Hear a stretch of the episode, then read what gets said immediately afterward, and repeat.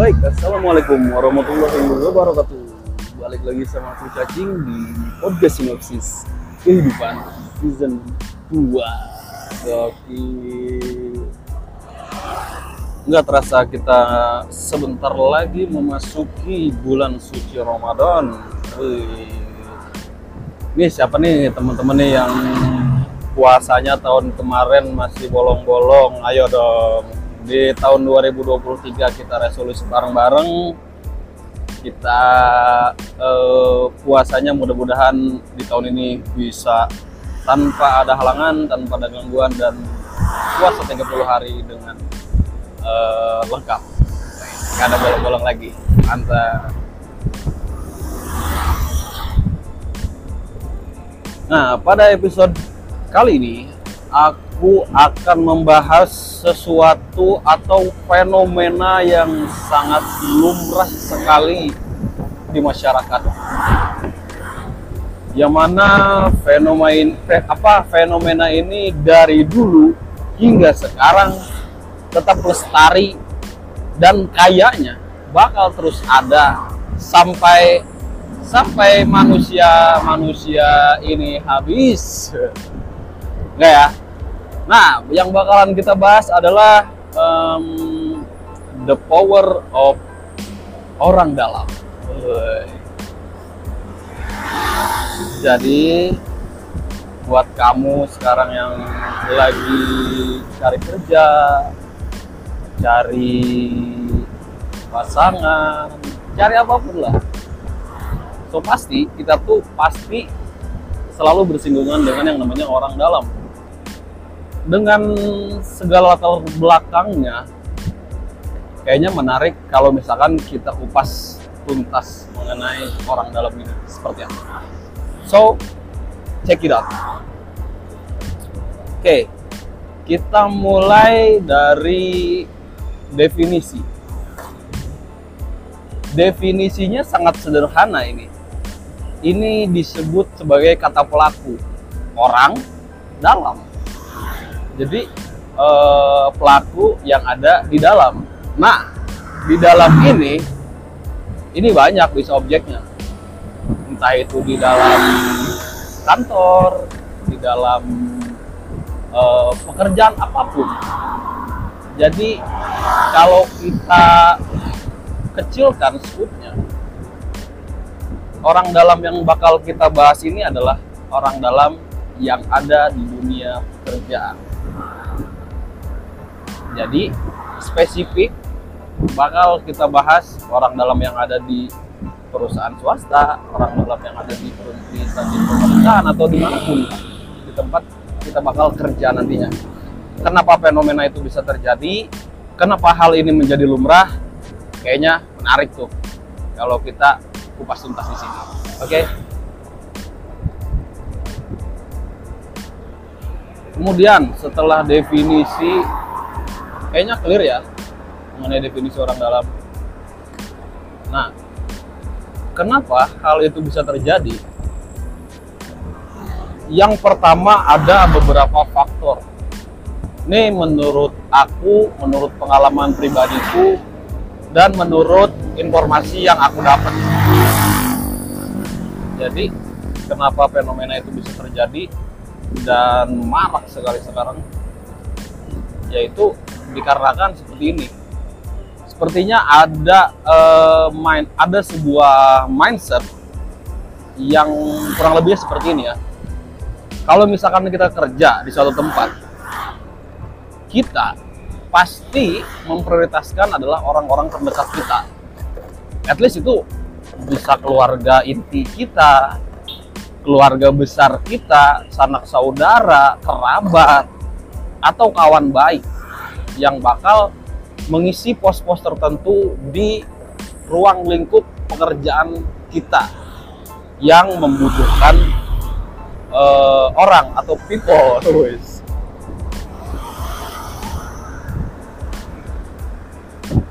Atas dasar keluarga dulu prioritasnya gitu kan. Yang penting keluarga dulu dapat kerja, yang penting uh, teman-temanku dulu deh atau circle apa circleku dulu deh yang dapat kerja Nah, itu yang jadi landasan utama kenapa eh, fenomena apa fenomena orang dalam ini bakal terus lestari itu karena itu dasarnya. Kecuali kalau misalkan mindset kita udah bergeser bahwa kalau misalkan kamu harus misi kerja di lingkup ruang apa di lingkup kerjaku, kamu harus benar-benar profesional kamu harus e, berintegritas, kamu punya etos kerja yang tinggi. Nah, itu bisa e, lain cerita ya dengan fenomena ini. Nah, yang jadi permasalahan sekarang adalah ketika e, si orang dalam ini memasukkan atau memberdayakan keluarga-keluarganya, kerabatnya, sahabat-sahabat terdekatnya tidak dibarengi dengan kapasitas dan kualitas si orang tersebut untuk mengisi pos pekerjaan yang bakal dia kerjakan nantinya. Nah, itu sih yang jadi permasalahan utama banget. Jadi Anda-Anda semua jangan heran kalau misalkan eh, dalam pekerjaan kita tuh kenapa sih ada orang nih yang bikin invoice aja nggak bisa, tapi dia kerjanya di bagian finance misalkan. Kan lucu banget ya kan itu basic harusnya gitu. Atau kenapa sih dia nggak ngerti formula di Excel padahal dia admin gitu. Nah jangan heran jangan heran kenapa bisa seperti itu ya karena itu tadi kembali kepada ketika si orang dalam ini ngajak e, kerabatnya ini kerja tidak dibarengi dengan kapasitas dan kualitas orang tersebut. Makanya kita tuh kadang gedek ya. Misal nih, aku punya pengalaman beberapa waktu yang lalu ngelamar kerja. Ada kan di episode aku yang sebelumnya, aku ngelamar kerja di sebuah instansi. Terus yang mana di situ kualifikasinya jelas banget bahwa yang dibutuhin adalah uh, desain apa desain grafis, orang yang bisa desain grafis, desain grafer lah. Tapi orang yang lolos adalah orang yang ngedesain pakai Microsoft Word, literally Microsoft Word gitu. Sedangkan kita yang effort udah pakai Corel Draw, kita udah menguasai Photoshop udah lama gitu, kita udah bahasanya udah makanan sehari-hari lah dunia desain grafis gitu.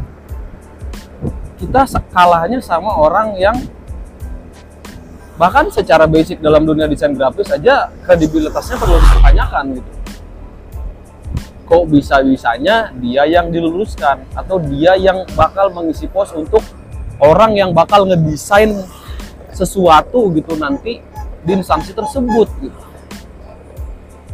Nah, jangan heran aku bilang kembali lagi kepada jangan heran karena yaitu tadi.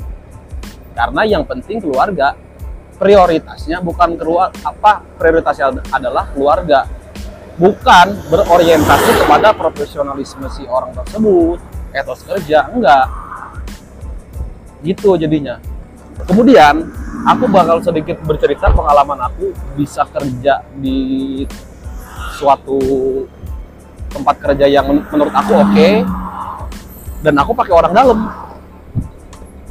Jadi di episode sebelumnya udah pernah aku ceritakan juga bahwa aku pernah kerja di, jasa loading batu bara di pelabuhan di portnya aku dan aku di bagian elektrik.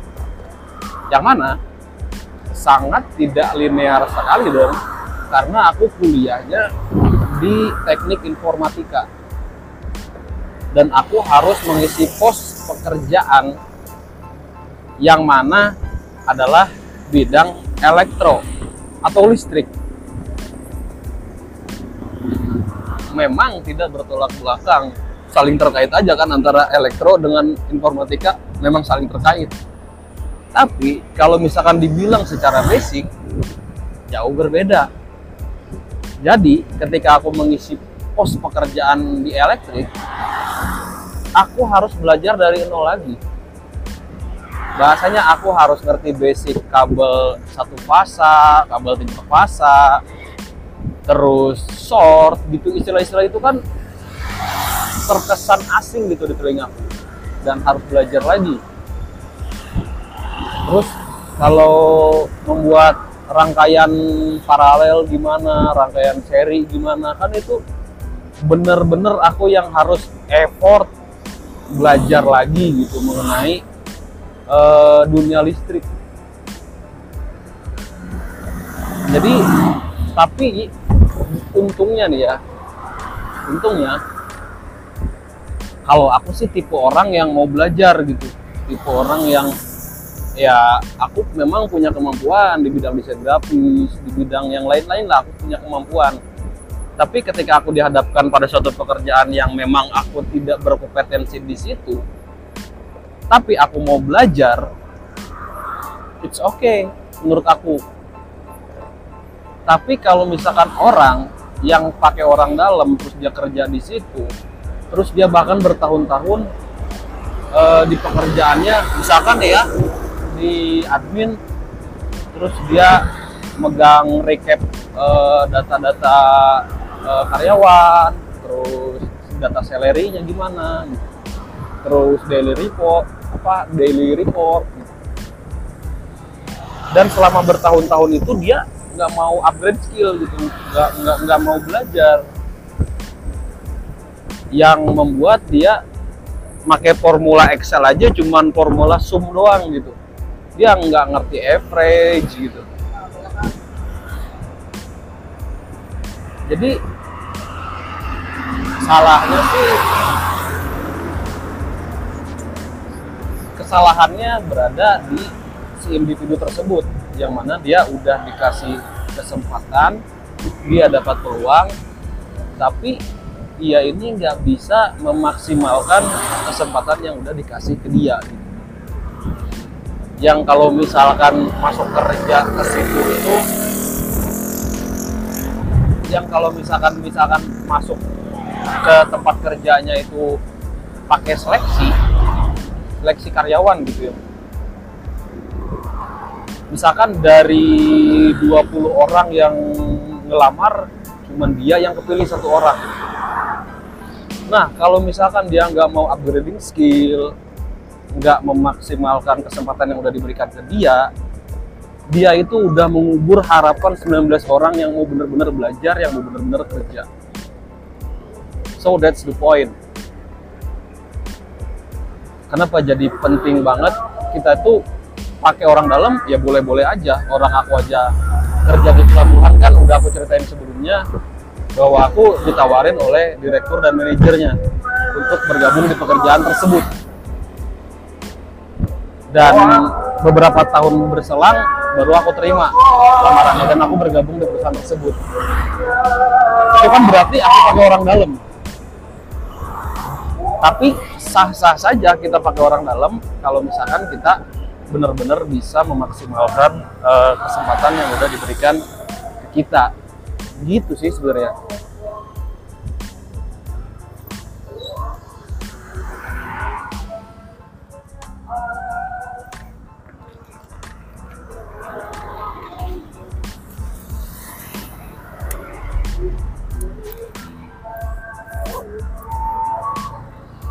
Oke, kita lanjut lagi dan ini bakal bakal jadi uh, apa PR besar kita juga ke depannya menghadapi tantangan yang luar biasa gitu di dunia kerja revolusi industri 4.0 loh.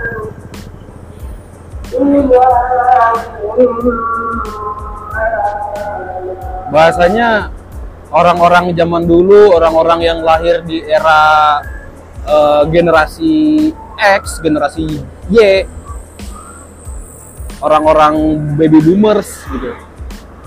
Itu dia hanya bersaing dengan individu lainnya. Kita yang generasi Z, generasi milenial, itu next time tuh kita bakal bersaingnya bukan dengan individu lagi, bukan dengan manusia lagi, bukan manusia sama manusia kita bersaing, tapi kita bakal bersaing dengan robot. Gila loh. Tantangan 4.0 gila banget, luar biasa pokoknya.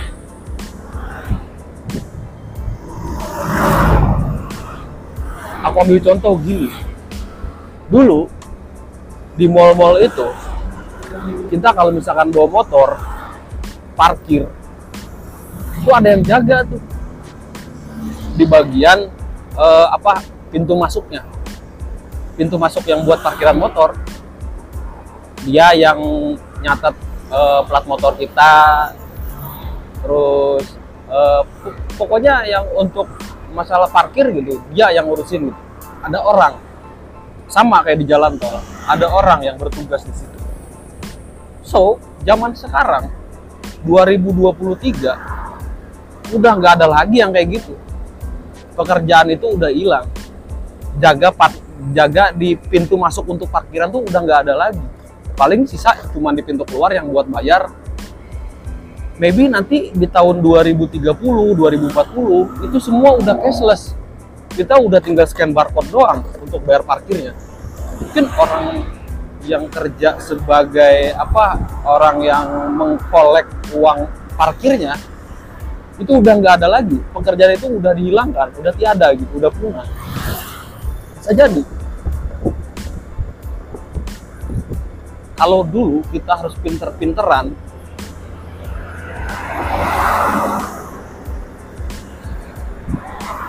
kita harus dapat ranking di kelas. Ya itu, itu jelas gitu kita kita bersaingnya dengan individu gitu dengan manusia. Ada orangnya yang yang harus kita kalahin gitu. Nah di masa depan kita lawannya robot loh. Robot kan diciptakan oleh manusia padahal.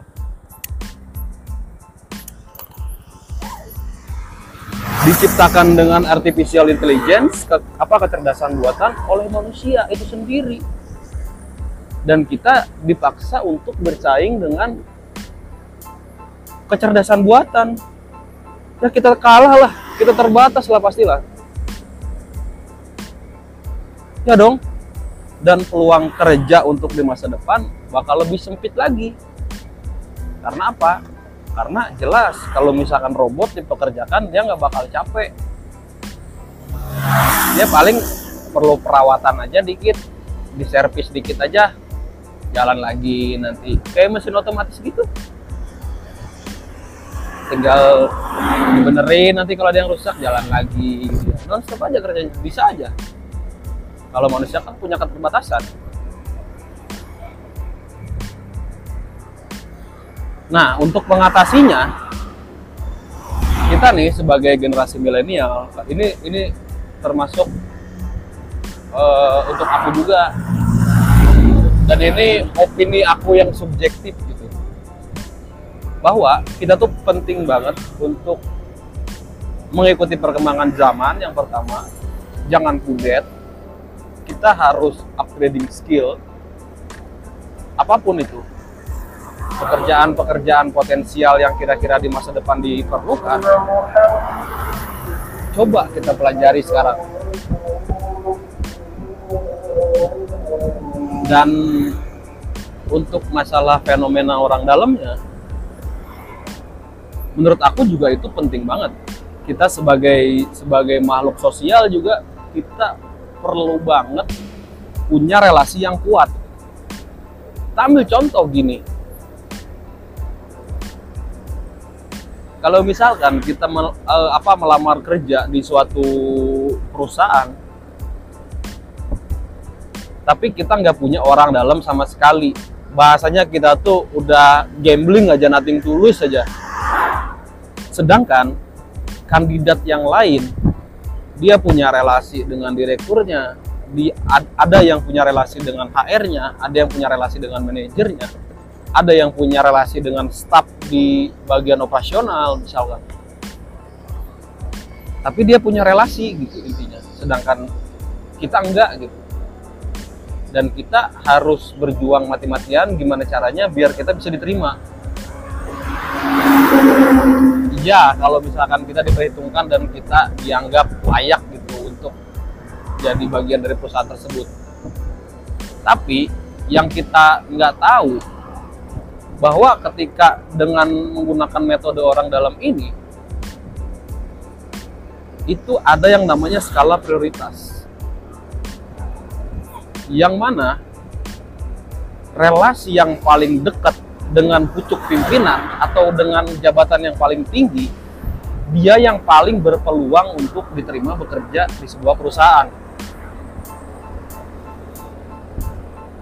Kayak misal gini, kalau yang dicari cuma satu orang, tapi yang ngelamarnya 20, dari 20 orang ini ada lima orang yang punya relasi di perusahaan tersebut yang dipilihnya di, yang keterimanya cuma satu. Nah udah jelas. Yang ke-15 itu udah jelas gugur di awal. Udah bukan udah bukan prioritas. Yang prioritas adalah yang lima orang ini yang punya relasi. Tapi itu belum belum tentu ngaruh juga. Dari lima ini kuat-kuatan relasi dulu. Yang mana relasinya yang paling dekat dengan pucuk pimpinan di perusahaan tersebut. Misal, yang relasinya dengan direktur, manajer, apalagi dengan HR, orang operasional, sama staff yang biasa, staff di lapangan doang. Ya udah jelas dong, kalian tahu siapa yang menang, itu aja konsepnya yang dipakai.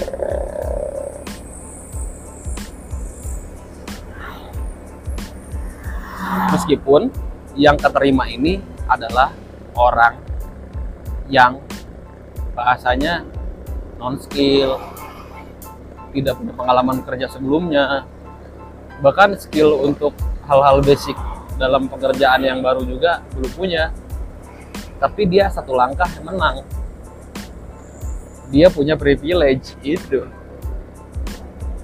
So, buat teman-teman yang sekarang lagi nyari kerja sana sini, stay strong aja. Gak usah ngerasa insecure kalau kita tuh gak punya relasi, kita nggak diprioritaskan orang, selalu aja. Nanti juga bakal nemu sendiri kok, bakal nemu sendiri orang yang benar-benar karena tidak semua tempat seperti itu ya tidak semua tempat mm, melakukan praktik yang sama. Karena kita nggak tahu mungkin aja nanti di satu tempat memang ada yang memerlukan orang-orang yang benar-benar memiliki skill yang mumpuni dan jelas. Siapa tahu salah satu kandidat yang bisa jadi bagian dari perusahaan tersebut adalah Anda. So, tetap berjuang, tetap bertahan, jangan patah semangat, terus saja coba. Kalau udah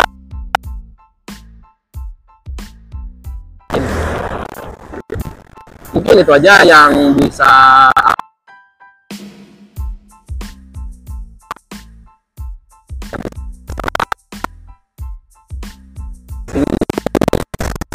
boleh dimakan lah intinya uh, dan pembelajaran buat kita semua. Semoga ini bisa jadi sesuatu semua. Itu aja. Ini cacing story ini podcast sinopsis kehidupan. Semua itu berawal dari keresahan dan secangkir yang dipadukan. Terima kasih banyak buat kawan-kawan. Ya cacing pamit Assalamualaikum warahmatullahi wabarakatuh Silva.